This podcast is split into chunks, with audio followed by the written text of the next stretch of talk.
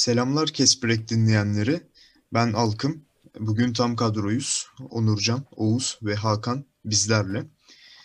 Ee, bugün şampiyonların hikayesi programımızda 2008 Boston Celtics'i konuşacağız. Hakan seninle başlayalım. Ee, biraz geçmişe gidelim istersen. Sonra 2008 e, öncesi e, takasları takaslardan konuşalım. Sonra sezona geçiş yaparız. Tabii ki Alkım. Öncelikle merhabalar diliyorum yayındaki arkadaşlarıma ve bütün dinleyicilerimize. Şimdi Boston Celtics e, NBA'in en görkemli geçmişe sahip iki takımından bir tanesi aslında. E, bir diğeri de Los Angeles Lakers ki bugün anlatacağımız NBA finalinde de bu iki takımı karşı karşıya görüyoruz. O nedenle bizim için de çok keyifli olacak anlatması. 17 şampiyonluğu var Boston'ın. Zaten 17. şampiyonluğundan bahsedeceğiz biz de ve bu konuda NBA'de de zirvedeler. Onların arkasından da Los Angeles Lakers geliyor. Bir şampiyonluk önündeler Lakers'ın. Boston Celtics'in geçmişine gidersek özellikle 60'ların NBA'inde tam olarak bir dominasyondan söz edebiliriz. 17 ee, şampiyonluğunun yarısından fazlasını hatta 11 e, tanesini bu dönemde alıyorlar. 56, 57 ve 68, 69 sezonları arasında e, bu 13 sezonun sadece ikisinde şampiyon olmuyorlar. Ve zaten o dönemden e, koç olarak hatırlayacağımız efsane Red Auerbach e, komutada ve Bill Russell'ın zaten iki elinin parmakları bile yetmiyor o dönem kazandığı yüzükler için.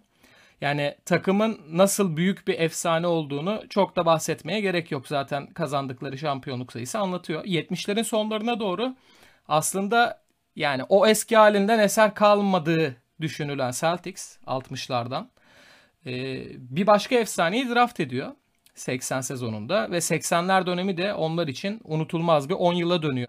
E, bu efsane tabii ki Larry Bird. E, bu dönem günümüze kadar uzanan Lakers Celtics rekabetinin de en ateşli olduğu yıllar diyebiliriz aslında. E, Lakers'ın Magic Johnson, Kareem Lee dönemi, e, Boston Celtics'te de Kevin McHale, Larry Bird dönemi gerçekten unutulmaz. 80'lerde de aynı şekilde 3 kez karşı karşıya geliyor bu takım. 60'larda 7 kere karşı karşıya gelmişlerdi NBA finallerinde ve 7'sinin de kazananı Boston olmuştu. Yani Lakers henüz şeytanın bacağını kıramadı. 80'lerin ilk finalinde de kıramamışlardı. Tam 8 final sonra kazandılar ve e, kalan 2 şampiyonluk da e, Lakers hanesine yazdırıldı. Yani Jordan öncesi NBA'in globalleşmesini baktığımızda da karşımıza bu Magic Johnson'ın Lakers takımı ve Larry Bird'ün Boston takımını görüyoruz. Yani çok uzun uzun anlatırsak zaman yetmeyecek e, bu iki takımı anlatmaya. O nedenle biraz daha bugün konuşacağımız 2007-2008 sezonuna doğru gelelim. Şimdi bu sezon Boston Celtics'ten beklentiler çok yüksek ama ben filmi bir sene geriye sarmak istiyorum. Çünkü bir sezon öncesi olan 2006-2007'de Sadece 29 galibiyet var Boston Celtics'in ve NBA'in sondan ikinci, Doğu'nunsa sonuncu takımı. 24-58'lik bir galibiyet oranıyla bitiriyorlar. Ee, o sezon Paul Pierce da çok fazla sakatlık geçiriyor. Sadece 47 maça çıkabiliyor. Bunun da etkisi var tabii ki ama e, Paul Pierce'ın da artık tek başına bu şehri birkaç gömlek üst seviyeye getiremeyeceğini anlıyoruz.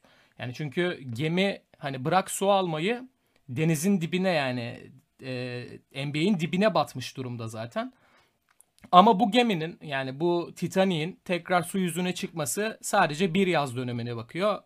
Ve Danny Ainge gibi bir isimle karşılaşıyoruz burada. Şu an günümüzde de Boston Celtics'in genel menajeri olarak bildiğimiz Danny Ainge. Şimdi bu sezon yani 2006-2007 sezonu Paul Pierce'ın takımdan ayrılmak istediği konuşuluyor. Çünkü e, kariyerinin en iyi dönemlerini geçiriyor. Özellikle istatistiksel anlamda.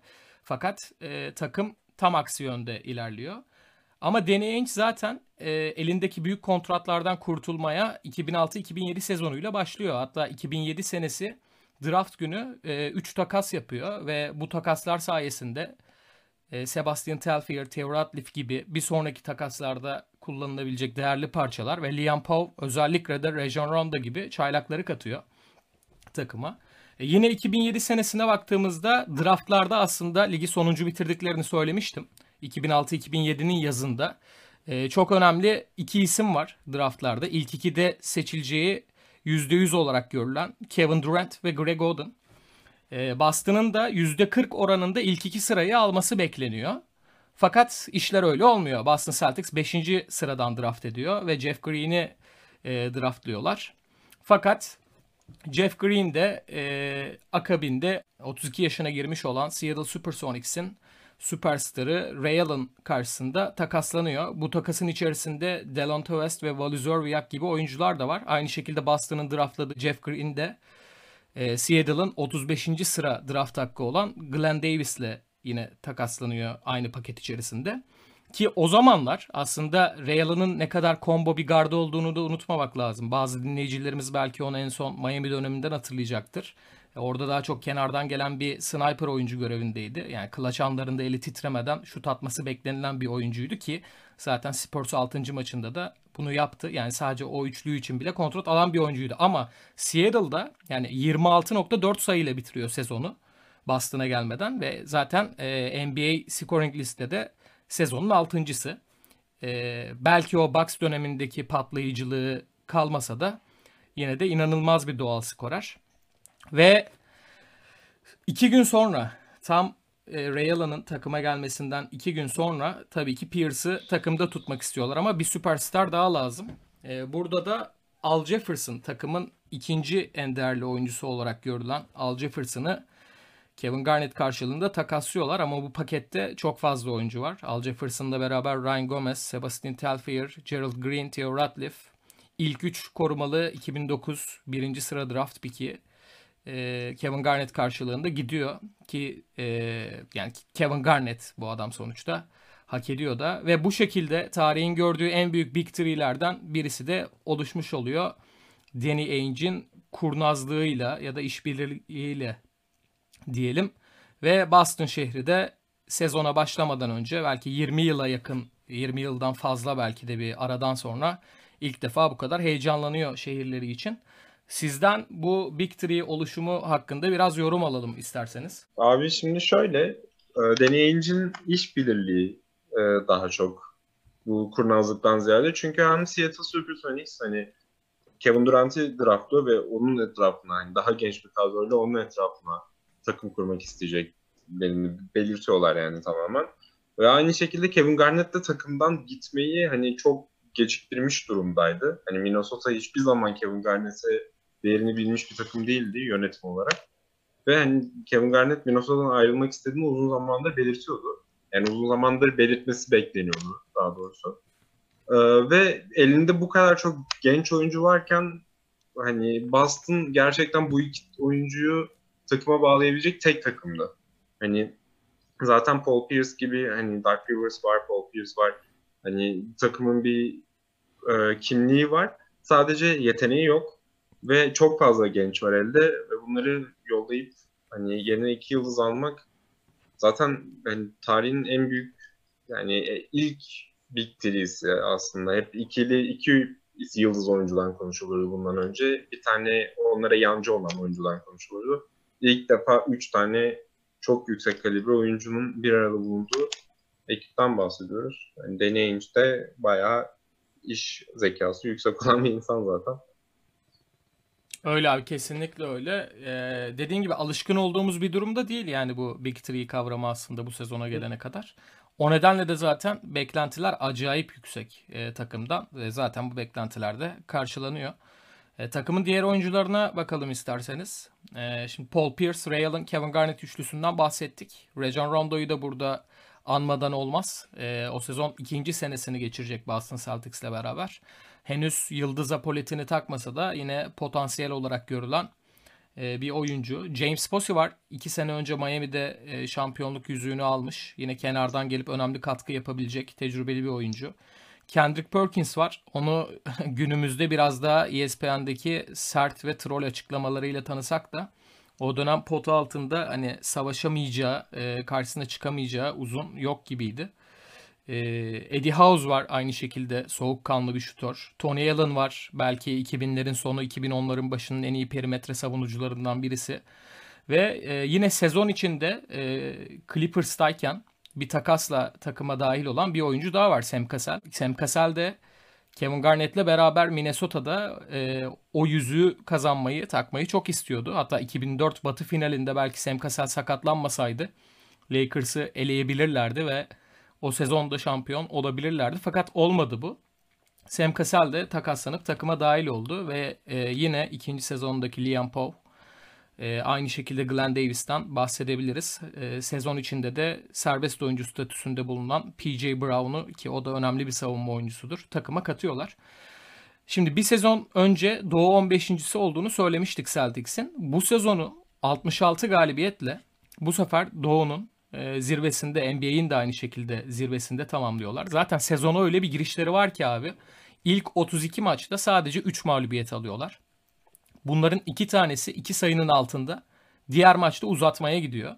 Yani e, bir beklenti var evet ama o kimya da e, o kadar çabuk bir şekilde tutuyor ki kusursuz başlıyorlar yani ve kusursuz işleyen bu Big Three'nin 3 oyuncusu da doğal olarak All-Star bitiriyor sezonu. Aslında bir takımdan 3 All-Star çıkmasına da yine çok alışkın değiliz. Yani 2006'da bir Detroit örneği var 4 All-Star'lı. Fakat oradaki 4 All-Star'ın belki de hiçbiri hani süperstar demezsin.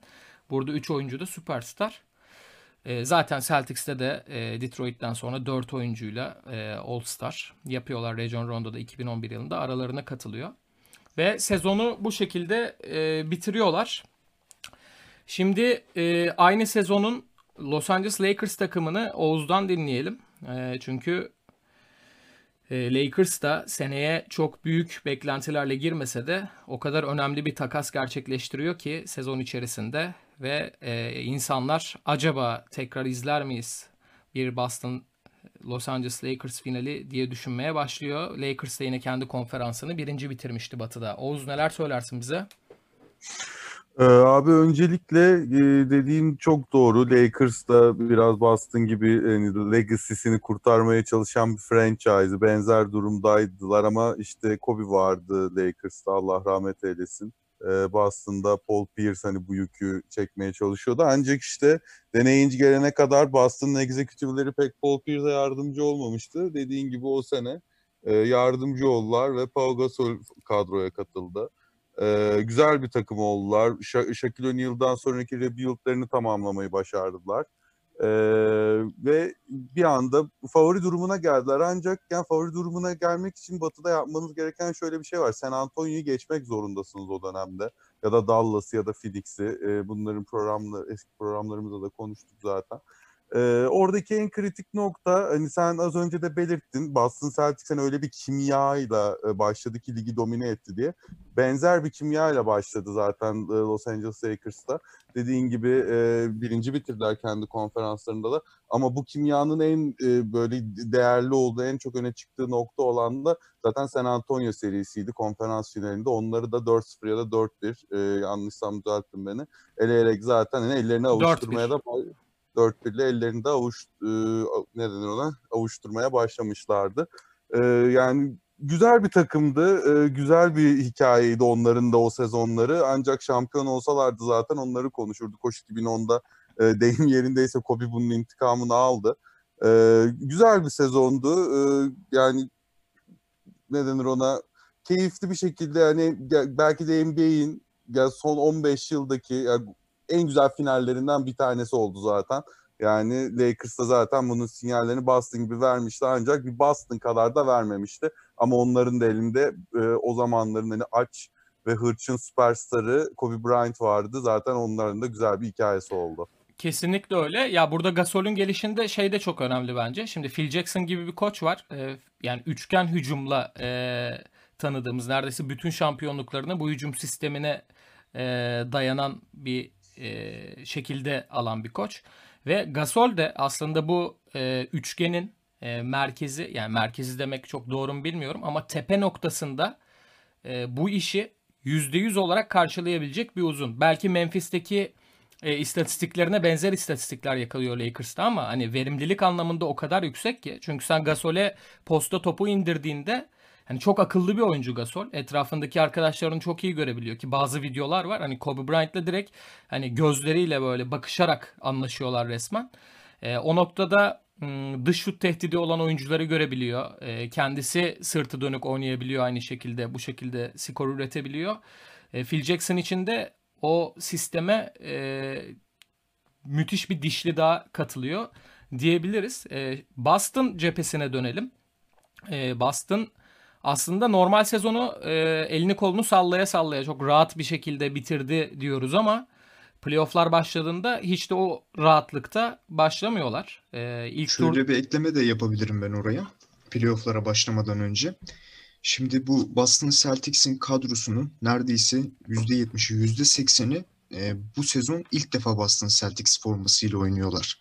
Yani birbirlerini neredeyse tanımıyorlar. Beraber oynamamış. Özellikle hani evet süperstarlar birbiriyle uyum yakaladı. Fakat Eddie Hoster, James Posey, PJ Brown aynı aynı şekilde. E, bunlar da yeni eklenmiş e, oyunculardı Bunun çok güzel bir kadroya. hikayesi var aslında biliyor musun? Ee, geçen gün oturdum izledim bunu. Ee, kesinlikle Hı hı. bu Dark Rivers'ın bilgeliği bu arada. Hani hatta belki de Dark Rivers'ı Phil Jackson'la kıyaslar mıyız bilemiyorum da.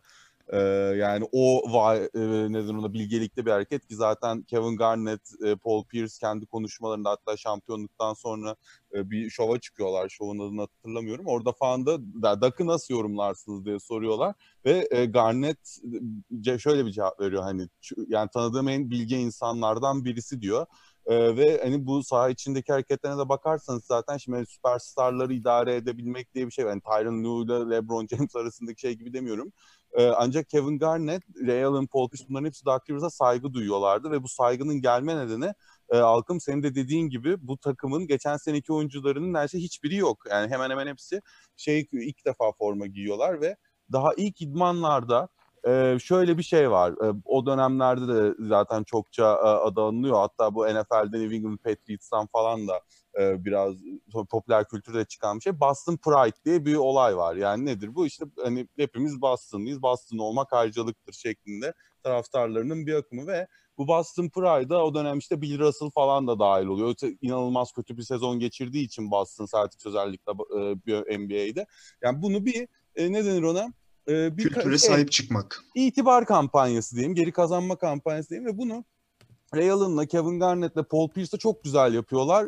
Nasıl yapıyorlar? Aralarında bağ kur, kurmalarını sağlayarak. Bu hani e, çok değişik aktiviteler var. Orada bakın e, açıp izleyebilirsiniz isterseniz. Hani işte ne bileyim Boston'lı çocuklarla işte o kolejlerin maçlarına falan gidiyorlar. Ne bileyim sosyal şey e, adını siz getirin. Sosyal sorumluluk projeleri yapıyorlar. NBA Europe var. Orada çok eğleniyorlar ve zaten e, Paul Pierce, Ray Allen, Kevin Garnett çok yakın arkadaş oluyorlar. Ve e, Doc Rivers zaten şöyle bir şey açıklıyor o dönemde. Benim bu takımla başarılı olmamın tek yolu bu bağı kurmak bunların arasında diyor. Ve e, şöyle bir şey var. O takımın mottosu o dönemde şu.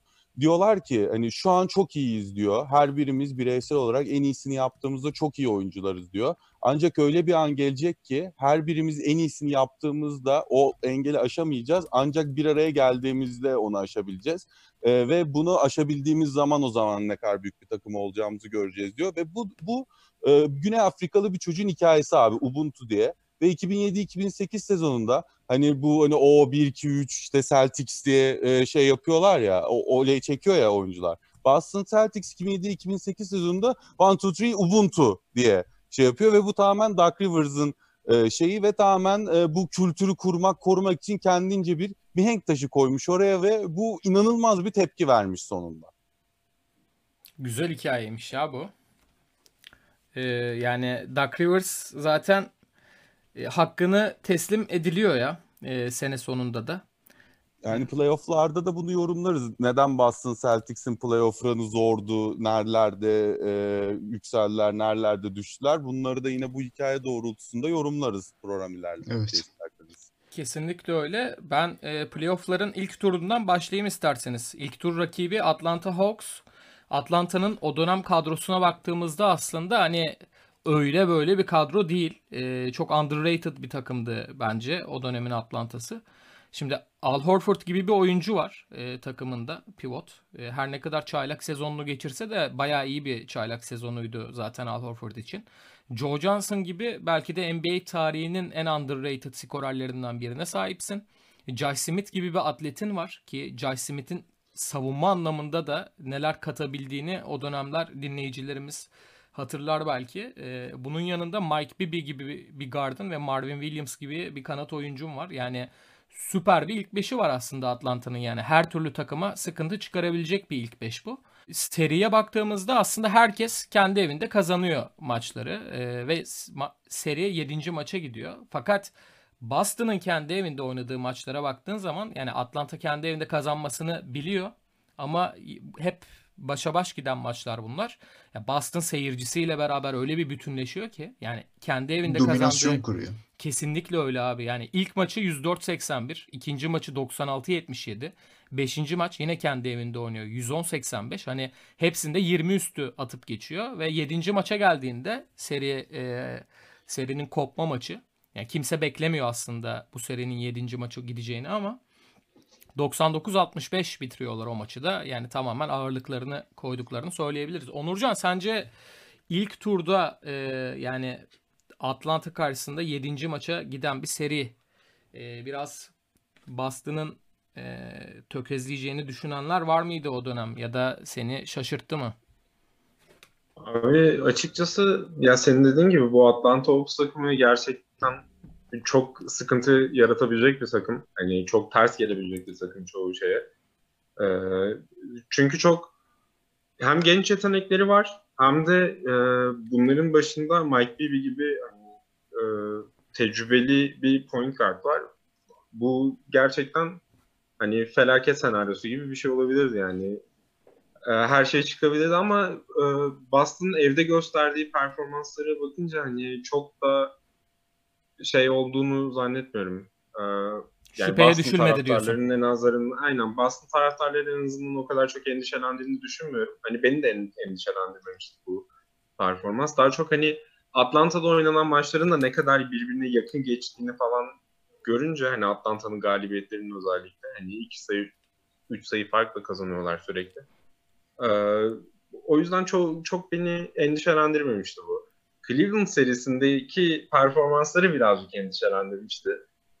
Onu da gelince gör, konuşuruz zaten tekrar. Ee, Cleveland serisine gelmeden önce çok çok ufak bir şey söyleyeyim ben de.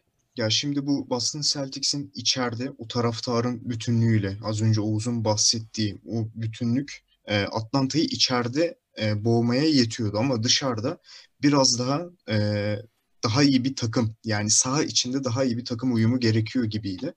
E, ki bunu da e, bu serilerde olmasa da Cleveland serisinde de bence yoktu ama e, finalde bunu oynayarak kazanıyorlar. E, Lakers karşısında bambaşka bir takım vardı bence bu serilere nazaran. Ondan sonra e, tabii yarı finale doğru ge- geçerken Cleveland'dan istersen bahset biraz sen Hakan. Tabii ki. Abi Doğu yarı finalinde aslında yine 7. maça uzayan bir seri var ama buradaki rakip e, öyle bir rakip ki karşılarında LeBron James var. LeBron James'in Cleveland Cavaliers'ı. Bir önceki sezonun NBA finalisti olduğunu unutmayalım ki benim gözümde hala hani şeyi kıyaslayamıyorum. Yani 2018'de LeBron'un e, yine ikinci Cleveland dönemindeki NBA finali yolculuğu mu yoksa 2007'deki yolculuğu mu daha değerli bilmiyorum. Çünkü hani takıma bakıyorsun abi hani Delanta West, Wally Zerbiak, işte e, Sasha Pavlovic, e, Anderson Varela e, gibi oyuncular var. Hani Igauskas falan da var ama yine de hani bir final yapacak takım kadrosu değil ki bu sene kadroya aslında Ben Wallace da ekleniyor. Ve Ben Wallace Igauskas ikilisinin ilk 5 çıktıklarını görüyoruz. Bütün playoff dönemi boyunca. Ee, yine herkesin evinde kazandığı e, bir seriyi görüyoruz. 4-3 oluyor e, bu seri. E, ilk maçı Boston 76-72 alırken LeBron 18'de 2 ile oynuyor ilk maçta ve sadece 12 sayı üretebiliyor. Ray Allen yine aynı şekilde 37 dakika sahada kalıp skor üretemiyor 0 sayıda. E, Paul Pierce 4 sayıda 14'te 2 ile yani süperstarların öne çıkmadığı bir maç. Sadece Garnett 28 sayıyla maçı Boston'a getiriyor diyebiliriz. E, ikinci maçı da Boston evinde aldıktan sonra seri 3. ve 4. maçlarda Cleveland'a taşınıyor. Cleveland e, bu maçları rahat kazanmayı biliyor. İkisinde çift taneli farkların üstünde e, bitiriyor. Beşinci maçtaysa 96-89 e, Boston kazanıyor. LeBron'un bu sefer öne çıktığı 35 sayıyla oynadığı bir maç bu. Pierce 29, e, Garnett de 26 sayıyla cevap veriyor. Rajon Rondo da Hmm, süperstarların yanında yakışır performanslar veriyordu ara sıra. 20-13'le oynamıştı o da. 20 sayı 13 asistle. Altıncı maç yine Cleveland'ın evinde 74-69 kısır bir skorla biterken e, asıl maç 7. maç. Burada öyle bir düello var ki e, dinleyicilerimiz izlemedilerse e, LeBron Paul Pierce düellosunu 7. maçta kesinlikle izlesinler. E, 97-92 Boston Celtics'in kazandığı maçta LeBron 45 sayı 5 rebound 6 asist. Paul Pierce ise 41 sayı 4 rebound 5 asistle bitiriyor o maçı. Hani gerçekten karşılıklı e, bir o atıyor bir o atıyor şeklinde özellikle 3. çeyreğin sonlu ve 4. çeyreğin ortalarına kadar. E, inanılmaz bir maçtı bu da. Oğuz sen istersen biraz e, 2008 Cleveland e, döneminden, LeBron'un Cleveland'ından ve bu seriyi bize biraz anlat. Ee, öncelikle yani Cleveland zaten o dönemde LeBron James'in ayak seslerinin somut örneği gibi düşünebiliriz. Zaten 2003'te birinci sıradan draft edildikten sonra yani gümbür gümbür geliyordu. 2007'de yani inanılmaz bir final performansı geldi LeBron James'ten. Ancak yani o takımda çok fazla değişen bir şey olmadı. Zaten Cleveland'ın her zaman problemi LeBron James'in yanına hani o oyuncuyu koyamamak oldu. Yani Mo Williams All-Star oldu ama hani bir All-Star getirip koyamadılar adamın yanına. Ee, yani onun dışında bakmak gerekirse zaten e, yani Cleveland'ın performansı tamamen LeBron James'le doğru orantılıydı. O dönem o senenin sayı kralı yanlış hatırlamıyorsam. Ee, son aynen en son sayı kralı LeBron James olması lazım. Ya inanılmaz bir yetenek, inanılmaz dominant. Yani LeBron James'i anlatmaya gerek yok burada. Sadece e, bu şu anki kadar e, akıllı değil ya da 2010'lardaki kadar yüksek yüzdeli bir şut performansı yoktu ama hepsinin sinyalini veriyordu tabii ki de. Zaten e, ya o LeBron James'i durdurabilen takımlar ya e, Detroit durduruyordu ya Boston Celtics durduruyordu. O, o zamana kadar hep Detroit durdurmuştu. Onları bir kere geçtiğinde final oynadı 2007'de LeBron James. E, 2008 yılında da zaten Boston Celtics'e şimdi karşı karşıya geliyorlar.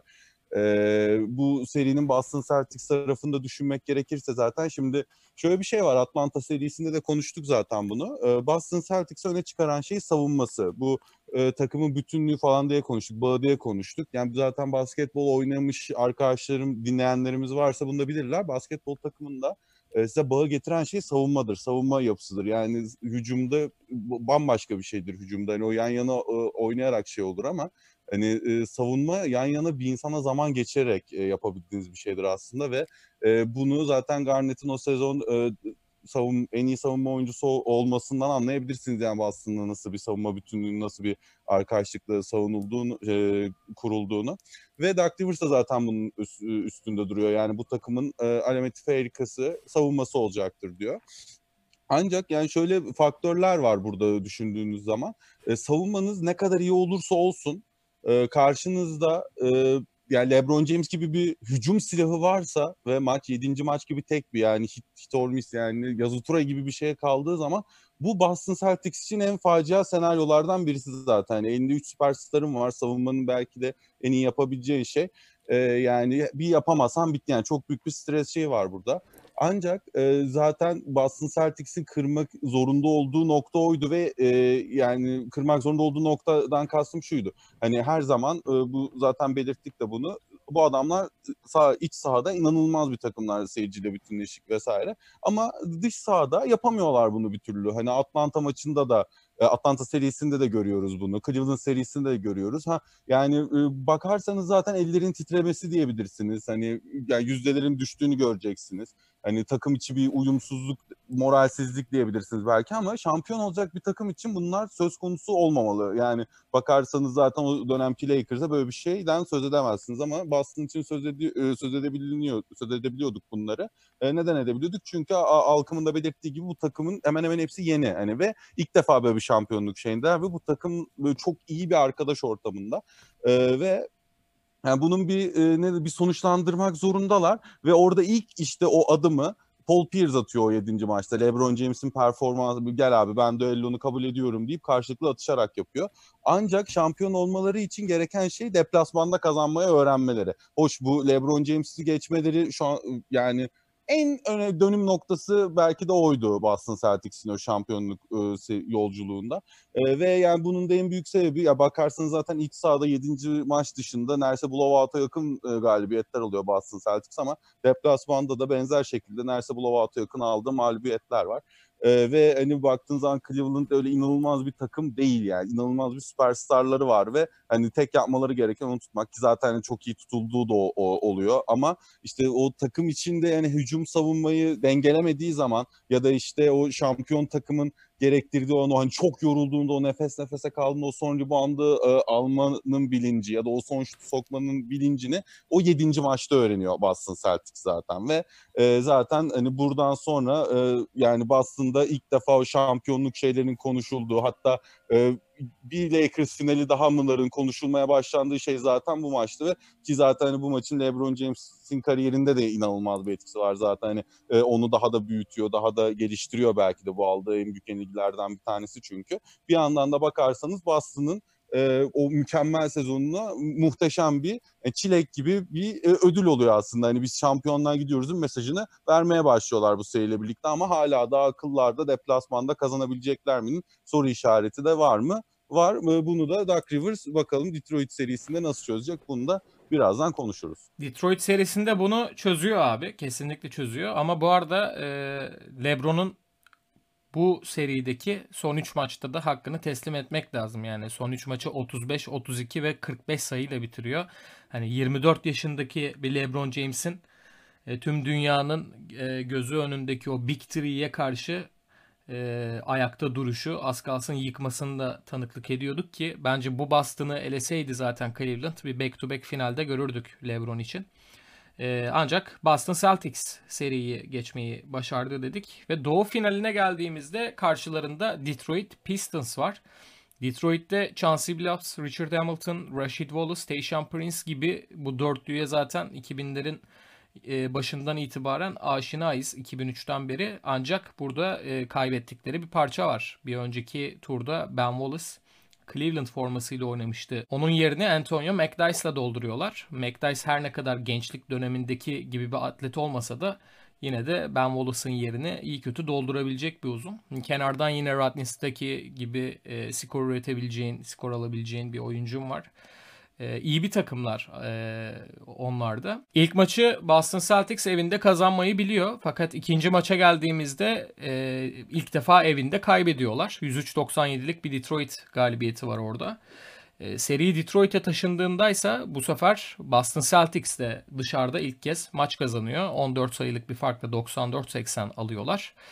E, ve bir sonraki maçı da yine Detroit e, 20 sayı farkla kazanmayı biliyor. Seri 5. maça geldiğinde 106-102'lik e, bir Boston galibiyeti var. Fakat burada tamamen e, ilk 5'in ağırlığını koyduğu bir maç. Kenardan yalnızca 3 sayı alabiliyorlar. James Posey'nin bir üçlüğü haricinde bench'ten en ufak bir katkı gelmiyor. Yani e, o Big Three'nin e, Rajon Rondo ve Kendrick Perkins'in de maça ağırlıklarını koyduğunu söylemek gerekiyor.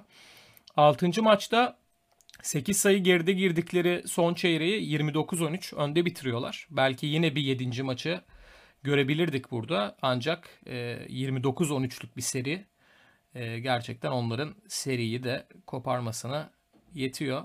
Paul Pierce'ın 27 sayı 8 reboundla yine bir seri kopartan maçta sazı ele aldığını görüyoruz. Ki bu 27 sayısının 12'sini de son çeyrekte üretiyor. Zaten Detroit'in takım halinde 13 sayısı olduğunu düşünürsek e, Pearson ne kadar büyük bir iş yaptığını da görüyoruz. Billups'ın da 29 sayı 6 rebound 6 asistlik performansı yeterli olmuyor ve finaldeyiz. E, Boston Celtics Los Angeles Lakers finalindeyiz.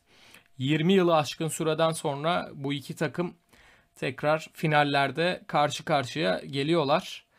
Onurcan Lakers Boston neler söylersin?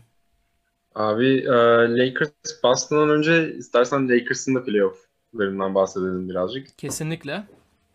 E, yani Lakers Boston'a göre hani birazcık daha değerli toplu oynayan bir takım. E, her ne kadar Gasol'ü hani yeni takıma katmış olsalar da yani takımın çekirdeği e, yıllardır devam eden bir çekirdek. Yani Kobe'nin önderliğinde. Ve Kobe'nin önderliğinde abi çok e, felaket yani biz şampiyon olmaya geliyoruz dermişçesine ilk başta Carmelo'lu, Iverson'lı yani Denver Nuggets'ı süpürüp arkasından e, Utah Jazz'ı evlerinde mağlup edip yani Utah Jazz'ın e, evlerindeki yani normal sezonda 37'ye 4'ler evlerinde. Ona rağmen hani maçı orada kapatıp Utah'ta kapatıp üstüne bir de geçen senenin şampiyonu San Antonio'yu 4-1 yeniyorlar. Hani e, Lakers'ın yani şu anda bu e, seriler üzerine tek tek konuşmanın çok bir anlamı yok. Çünkü hani gerçekten Kobe'nin çok büyük ağırlığını koyduğu ve e, Pau Gasol'ün, Lamar Odom'un e, işte yani diğer parçaların özellikle e, Kobe'ye ne kadar güzel e, monte edildiğinin bir göstergesiydi hani bu playoff serileri. Ve tamamen biz şampiyon olmaya geliyoruz diye geldiler. Sonra da Boston'la eşleştiler güzel bir şekilde. Yani en izlediğim en güzel finallerden biriydi ve finallerin ilk maçında abi yani çok enteresan şeyler oldu aslında. Ee, öncelikle e, Boston e, evde kazandı. 10 sayı farklı kazandılar maçı. Ama maça damgasını vuran bu değildi aslında. Maça damgasını vuran şey e, Paul Pierce'ın sakatlığıydı. E, tırnak içerisinde söylüyorum bunu. e, Paul Pierce abi e, Kendrick Perkins'in yani pozisyonu anlatayım tekrardan. Yani Kendrick Perkins'in bacağının üzerine düşüyor. Ve hani, o kadar kötü e, gösteriyor ki bunu. E, tekerlekli sandalyeyle soyunma odasını götürüyorlar Paul Pierce'ı. Ve hani Paul Pierce bundan 5 dakika sonra falan tekrar gelip iki tane üçlük sallıyor. Yani bu yıllar boyunca çok e, tartışılan bir şeydi. Yani Boston taraftarlarının Paul Pierce'ı çok yücelttiği bununla. Hani tekerlekli sandalyeyle gitti içeriye. Sonra geldi yüreğini o masaya koy, şey yüreğini sahaya koydu. E, iki tane üçlük attı maçı kazandırdı falan diye anlatır e, Boston'lar. iki sene öncesine kadar. Lakers'lılar da e, kendi yani yalan söyledi diye anlatır genelde.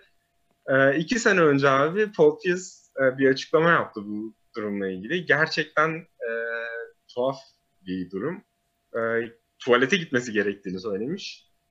Ve bunun için bir sakatlık bahane edip sakatlanmış gibi yapıp tuvalete gidip geri geliyor abi. Hani eminim ki çok rahatlamıştır tuvalete gittikten sonra. iki tane üçlüğünden de anlıyoruz yani. Ee, Lakabının bu... da hakkını veriyor Aynen. burada The Truth. Lakabının Ger- hakkını gerçeği 10 sene sonra açıklayarak. Evet The Truth. Yani e, bu aslında. Onun dışında e, Boston'ın hani takım halinde evde yani zaten e, bütün playoff serilerinde evde ne kadar güzel oynadıklarını e, birazcık daha e, emek sarf ederek oynadıklarını, e, gayret göstererek oynadıklarını ve hani savunmanın direnç ne kadar dirençli olabilecek hani falan göster yani gördük evde oynadıkları maçlarda. Ve hani Kevin Garnett'in e, önderliğinde ve e, Paul Pierce'ın bu maçı kazanıyorlar. İkinci maça geldiğimizde 108-102 bitiyor ikinci maç. Yine Boston Celtics galibiyeti var ama ikinci maçla alakalı şöyle notlar var. 7,5 dakika kala Boston Celtics 95-71 önde çünkü bu maçta. Fakat maçın bitimine 20 saniye kala 104-102'ye kadar indiriyor Los Angeles Lakers maçı. 24 sayılık bir farkı kapatıyorlar ki bu farkı kapatıp maçı kazansalardı 71 yılından sonra tarihin en büyük NBA finaller geri dönüşünü zaten aynı seri içerisinde bunu izledik. Dördüncü maçta ondan da bahsedeceğiz ama ikinci maç özelinde konuşursak Kobe'nin 30 sayıyla oynadığını görüyoruz burada. Rondo 16 asist yaptı bu maç. E, akıl alır bir performans değildi Rondo'nunki. Pierce yine Şöyle, bahsettiğin clutchlıkta 28 sayı oynadı. Rondo'nun 16 asisti e, Magic Johnson'ın 1991'de 20 asistinden sonra e, görülen en fazla asist sayısı. Öyle 2008'e kadar yani. E, 20'den sonra 16 görülmüyor. Rondo 16 asist yaparak Magic Johnson'dan sonra kendi rekorunu da kırmış oluyor. Günümüzde bile hala belki geçerlidir bu. Olabilir. Ee, yani zaten Paul Pierce, Kevin Garnett, Ray Allen'ın e, yanında hani o da bir starmışçasına geçiriyor. Yani playoff dönemi boyunca iyi oynamıştı 2008'de ama özellikle Lakers karşısında 2-3 maçı var ki hani bence Real'ından daha çok şey kattığını söyleyebiliriz bile belki sadece Lakers serisi özelinde. Üçüncü maça geçmeden ikinci maçta Leon Pov'un da performansına bir değinelim Evet. istedim. 21 sayı atmıştı. Değil mi? Aynen. Ee, kaç, 15 bunların dakikada mı ne çocuk 15 maçı dakikada 13 kazandırıyor. tane free throw'u var. Evet. Üçüncü maça geçelim. Seri Los Angeles'a taşınıyor burada ve Lakers e, evindeki bu maçı kazanıyor. Kobe Bryant'ın 36 sayı, Sasha Vujicic'in kenardan gelerek 20 sayıyla oynayarak bir X faktör görevi gördüğü bir maç. E, Paul Pierce'ın sadece 6, Kevin Garnett'in ise 13 sayıda kaldığını görüyoruz. Ve 87-81 kazanıyor Lakers. Dördüncü maç 97-91 Boston alıyor ama ikinci maçta Lakers'ın 24 sayıdan dönerek kazanamadığı e, maçı bu sefer Boston Celtics 24 sayı geriden gelerek kazanıyor bu maçta. 45-21'in önde olduğu bir sekans var Los Angeles Lakers tarafından. Devrenin bitmesine 4 dakika kala. E, ve Boston inanılmaz bir geri dönüş yapıyor ve maçı çevirmeyi biliyorlar.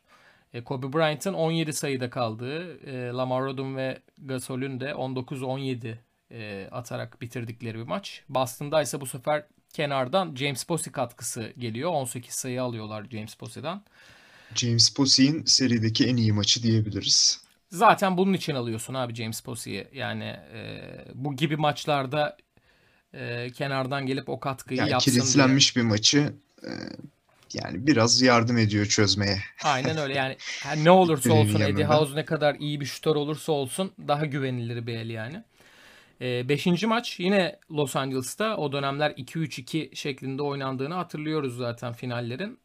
Ee, 103-98 Los Angeles Lakers bu maçı almayı biliyor. Ee, yine burada Lamar Odom'un 20-11'lik bir performansı var ve Paul Pierce'ın 38 sayı 6 rebound 8 asistlik oyunu var ki galibiyete yeterli olmadı bu Boston Celtics için.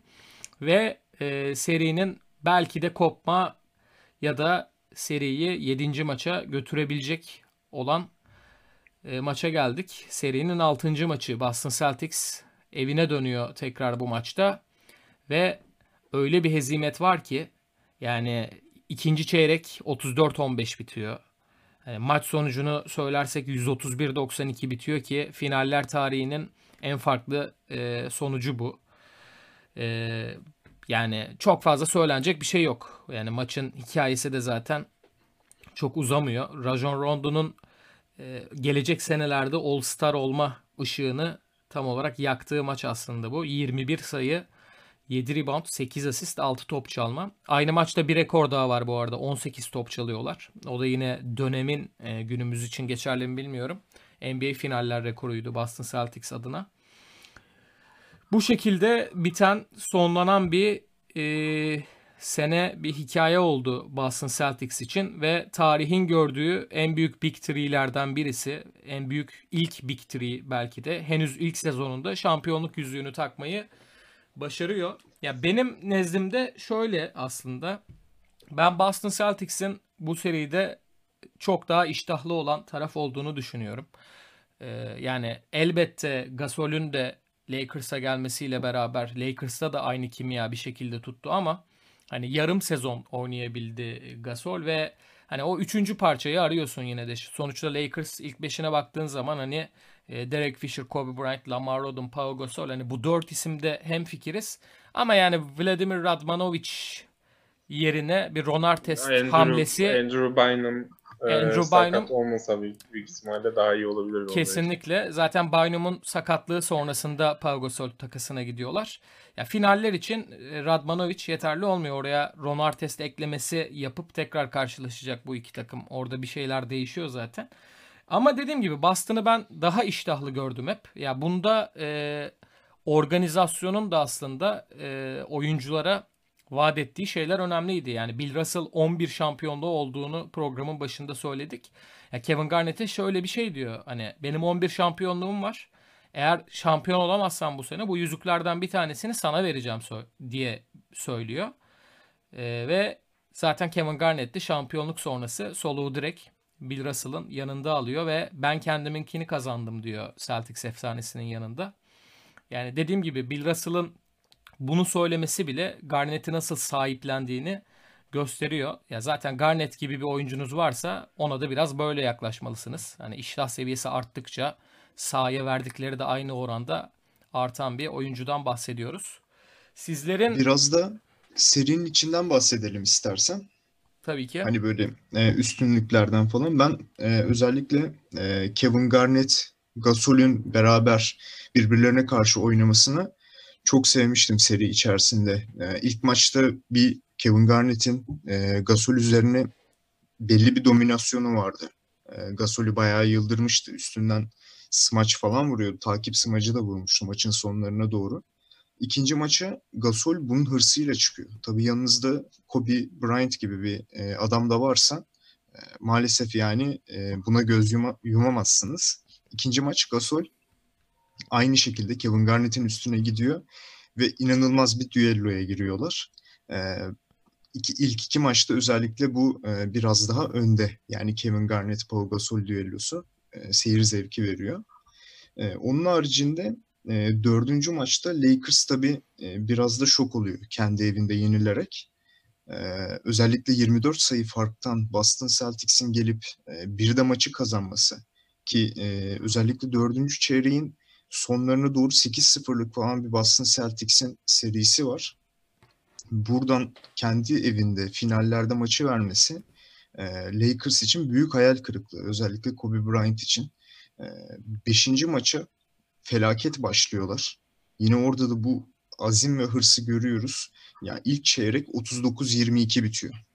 Çok acayip oynuyor Lakers. Tabii bu maçta biraz da e, yan faktörler var. Yine Şasa e, Vujicic'le e, Farmer'ın da parladığını görebiliyoruz.